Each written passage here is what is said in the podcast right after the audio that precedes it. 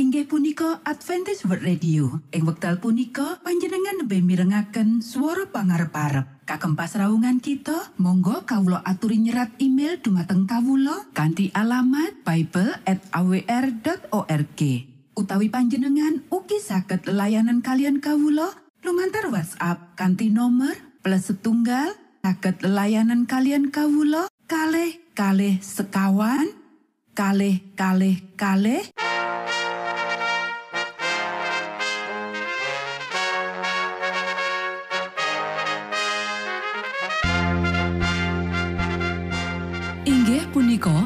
Adventist World Radio ingkang giaran kanti basa Jawi.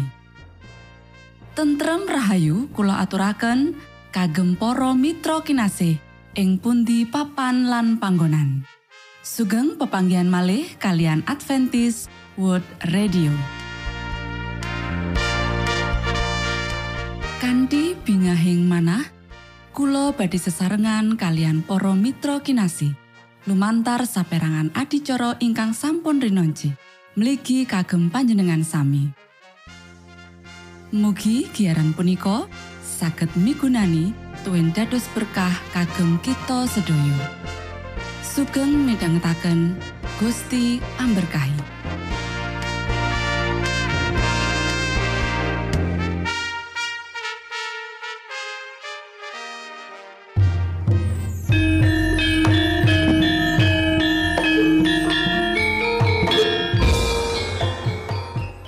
Para pamirsa kinasih ing Gusti Yesus Kristus. Ing wekdal punika, kita badhe sesarengan ing adicara ruang kesehatan. Ingkang saestu migunani kagem panjenengan saha kita sami. Tips utawi pitedah ingkang dipun aturaken ing program punika tetales dawuhipun Gusti ingkang dipunnyatakaken ing kitab suci. Semanten ugi sakehing seratan ingkang dipun wangsitaken dening Gusti Allah. Nanging saderengipun, monggo kita sami midhangetaken kidung pujian.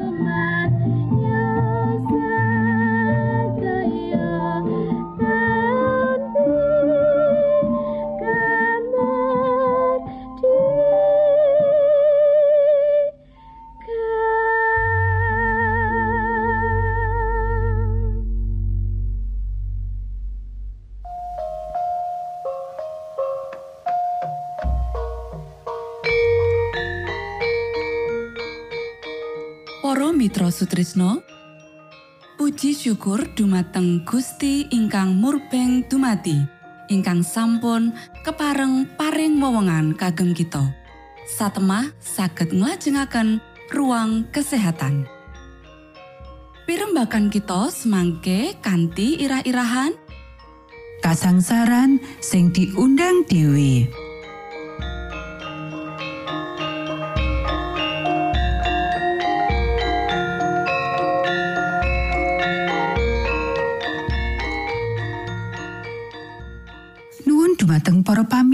ingkang dahat kinurmatan Sugeng pebanggian malih kalian kula Isti Kurnaidi ing adicara ruang kesehatan. Ing dinten punika kanthi irah-irahan kasangsaran sing diundang dewi. Para sedherek ingkang kinasih, Sang Kristus maringi marang wong Israel dawuh sing mesti ngenani pakulinan urip lan panjenengane yakinake dheweke. Karo dene Pangeran Yehua bakal ngetohake kowe saka sarupane leloro lan kowe ora bakal kacanda ing memolo kang gegirisi kang tau kok sumurepi ana ing tanah Mesir. Sakwise wong-wong nyukupi prasarat iku, mula prasetyan iku dikebaki kanggo dheweke. Ora ana wong sing ringkeh ing antarane suku bangsane. Para sedherek ingkang kinasih, pasinaon iki dituduhake marang kita. Ana prasarat sing kudu dilakoni dening wong sing gelem ngrumat kesehatan. Kabeh kudu nyinaoni prasarat iki. Gusti Allah ora ngersakake menawa kita nglirwakake angger-anggere, becik angger-angger alam utawa angger-angger rohani. Kita yo iku rewang makaryo Gusti Allah sakjroning mulihake kesehatan badan lan kesehatan jiwa. Para sedherek ingkang kinasih, manungsa wis ngundang leloro kanggo awake dhewe sakjroning maneka warna bentuk dening pakulinan sing salah. Dheweke durung nyinaoni kepiye carane urip sehat lan paneraan angger-angger alam wis ngakibate kahanan sing nyedihake. Manungsa arang nyambungake kasangsaran karo sebab sing bener ya iku tindakane sing salah. Dheweke wis manjakake selera lan ora tarak wektu mangan lan wis ndadekake ilah selerane dhewe. Sakjroning pakulinane wis nuduhake sikap ora peduli marang kesehatan lan masalah urip. Nalika dheweke diserang leloro, dheweke yakinake awake dhewe menawa Gusti Allah dhewe sing nyebabake leloro iku. Kamangka iki dumadi amarga tindakan sing salah. Para sedherek ingkang kinasih, ora nate leloro timbul tanpa sebab. Dalan disediakake lan leloro diundang kanthi nglirwakake angger-angger kesehatan. Sawetara dheweke ora tanggung jawab marang apa sing wong tuwa lakokake, nanging iku tugase kanggo mbedakake apa sing disebut paneraan utawa apa sing dudu paneraan angger-angger kesehatan. Dheweke kudu ngendani pakulinan salah saka wong tuane kanthi panguripan sing bener. Dheweke mapanake diri sakjroning kahanan sing luwih becik. Para sederek luwih akeh sing sengsara amarga tindakane sing salah. Dheweke nganggep sepele prinsip-prinsip kesehatan sakjroning pakulinan mangan, ngombe lan pakulinan makaryo lan pakulinan nyandang. Paneraan angger-angger alam nggawa akibat sing mesti. Ing wektu leloro nyerang dheweke, akeh wong ora gandengake panandang iku karo penyebabe sing sak tenane. Nanging ngersula marang Gusti Allah awit amarga siksaan iku. Nanging Gusti Allah ora tanggung jawab marang kasangsaran sing teka akibat saka paneraan angger-angger alam.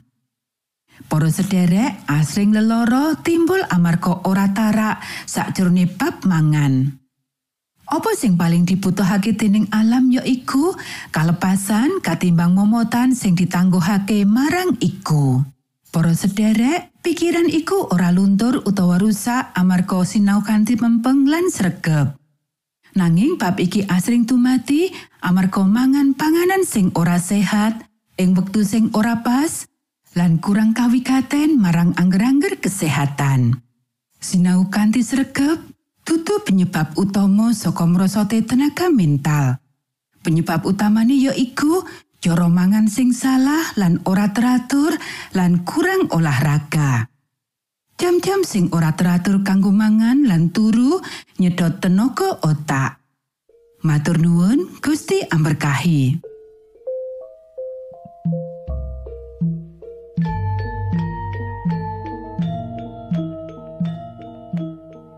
Cekap semanten pimbakan ruang kesehatan ing episode dinten punika. Ugi sampun kuatos jalaran kita badhe pinanggih malih ing episode sak lajengipun.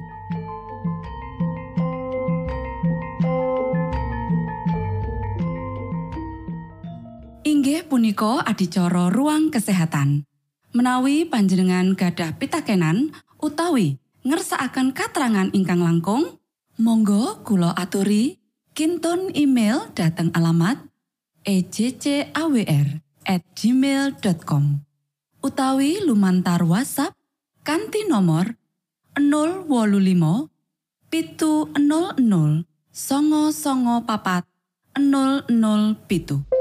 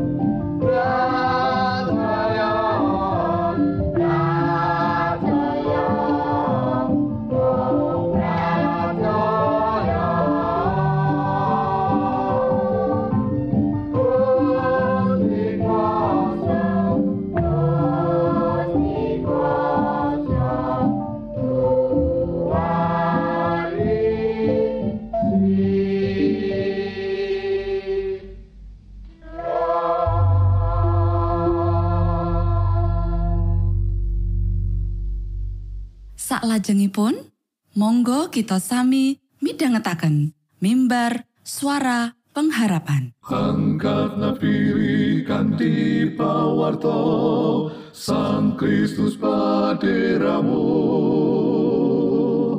Pro umat samyo puji asmanyo Sang Kristus paderamu Inggih punika mimbar suara pengharapan. Ing episode punika kanthi irah-irahan Nambah panganggone Mazmur ing pandonga. sugeng midhangetaken. Sang Kristus paderamu ilmu kawero tambah lan tambah Sang Kristus paderamu paderamu paderamu Sang Kristus paderamu Shalom para sedherek ingkang kinasih wonten ing Gusti. Sakmenika kita badhe mitangetaken renungan Sabda pangandikanipun Gusti. Ing dinten punika kanthi irah-irahan nambah panganggone Mazmur ing pandonga. Para sedherek ingkang kinasih, ayo diwaca kitab Zabur pasal 105 ayat 5. Padha ngelingono marang kaelokane kang wis padha katindakake tondo tandane kang elok-elok lan pepancasan kang dingandikake.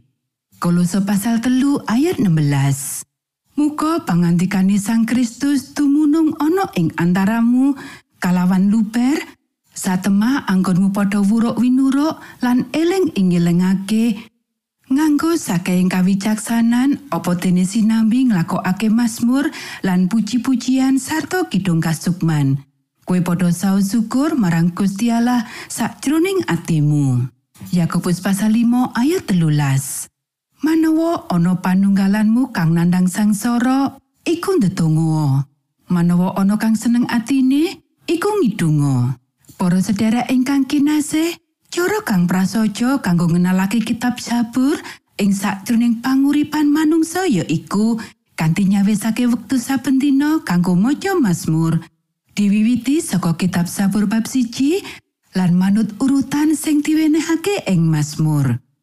Cara liyane ya iku maca lan nyemak Mazmur sing cocok karo kahanan kita saiki. Apa wae? Ana sabur pangadu, sabur pangadu umum, sabur syukur, sabur pramatobat, sabur kekidungan, sabur kawicaksanan, yaiku ngupaya kawicaksanan serta panuntune Gusti Allah, sabur sejarah, sabur kang isine nesu, sarta sabur siarah. Para sederek, terus piye carane kita bisa maca kitab sabur? Kang kapisan, kita nyemak lan maca kitab sabur, melu refleksi sing sederhana banjur ndedonga. Ngekilut kitab sabur kuwi kalebu mikirake macam-macam aspek saka Mazmur. Cara juru Mazmur nyebutake Gusti Allah lan alasane ndedonga. Pikirno kanthi satiti piye kahanan kita laras karo pengelamane sang juru Mazmur lan kepiye surasane kitab sabur kuwi bisa mbiyantu kita njlentrehake kanthi cetha pengalaman urip kita. Kita bakal gumun oleh ndeleng sepiro asringe anggen kita nemoni rasa nalika ngekiluti kanthi tumemen maca lan nyemak kitab sabur iku. Menawa ana sing nantang sampeyan ing Mazmur, coba pikirake Apa Mazmur iki ngoreksi pangarep-arep palsu sampeyan babagan perkara sing sampeyan adepi. Ayo padha dilaras lan kekilut pawartan Mazmur jroning pepadang Sang Kristus lan karya kawilujengan lan pangarep-arep sing ditawarake karya Sang Kristus marang kita. Kaya dene kita mangerteni lan kudu kita mangerteni bab ikutan sambiyantu kanggo ndeleng samu barang ing sajroning kitab suci jroning pepadang Sang Kristus lan salib. Uga upatinen motif kang anyar kanggo kita ndedonga kaya dene kaparing dening Mazmur. Pikirake wikatine kanggo urip kita, pasamuan kita, lan jagat iki nenuwuna marang Gusti Allah supaya nyelehake sabdane ing ati lan pikiran sampeyan. Menawa Mazmur kuwi laras karo kahanan pawongan kang kita kenal, donga syafaat kanggo wong iku. Intine kitab sabur iku sejatine nengkesi akeh aspek panguripan lan kita bisa nambahi wawasan serana nyemak lan maca kitab sabur kuwi temah nresep ing penggalih apa kang wis dipangandikake marang kita. Monggo kita sami ndedonga. Duh Rama kawula ingkang wonten ing swarga, asma patuko mugi kasucikaken. Kraton patuko mugi rawuh. Karso patuko mugi kalampahan wonten ing bumi kados dene wonten ing swarga. Kawula mugi kaparingan rejeki kawula sak cekapipun ing dinten punika. Saha patuko mugi ngapunten kalepatan kawula kados dene kawula inggih ngapunteni tetiang ingkang kalepatan dhateng kawula. Punapa dene kawula mugi sampun ngantos katantokaken dhateng ing panggoda nanging mugi sami patuko uwalaken saking piawon. Awitine patuko ingkang kagungan kraton saha wisesa tuen kamulyan salami laminipun. Amin.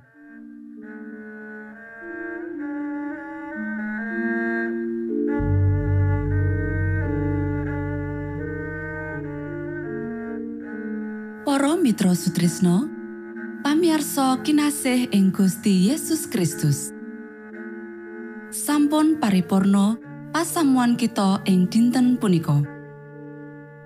Menawi panjenengan gadah pitakenan utawi ngersaakan seri pelajaran Alkitab suara nubuatan Monggo Kulo aturi kinton email dateng alamat ejcawr at gmail.com utawi lumantar WhatsApp kanti nomor 025 pitu 00 songo songo papat 00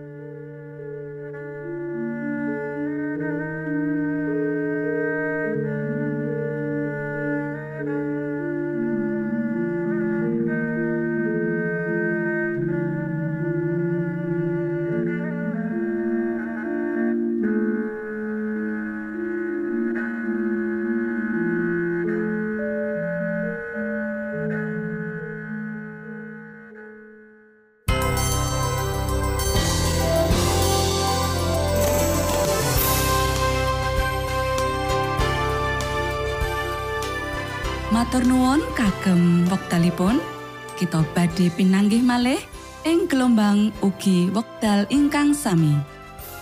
Saking studio kula ngaturaken tentrem rahayu. Gusti amberkahi kita sedaya. Maranata.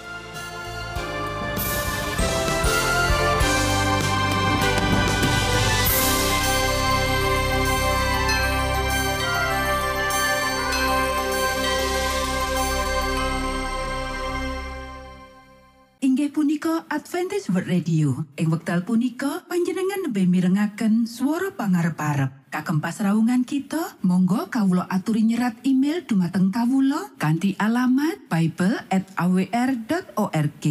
Utawi panjenengan ugi saged layanan kalian kawula lumantar WhatsApp kanthi nomor plus setunggal saged layanan kalian kawula kalih kalih sekawan kalih kalih kalih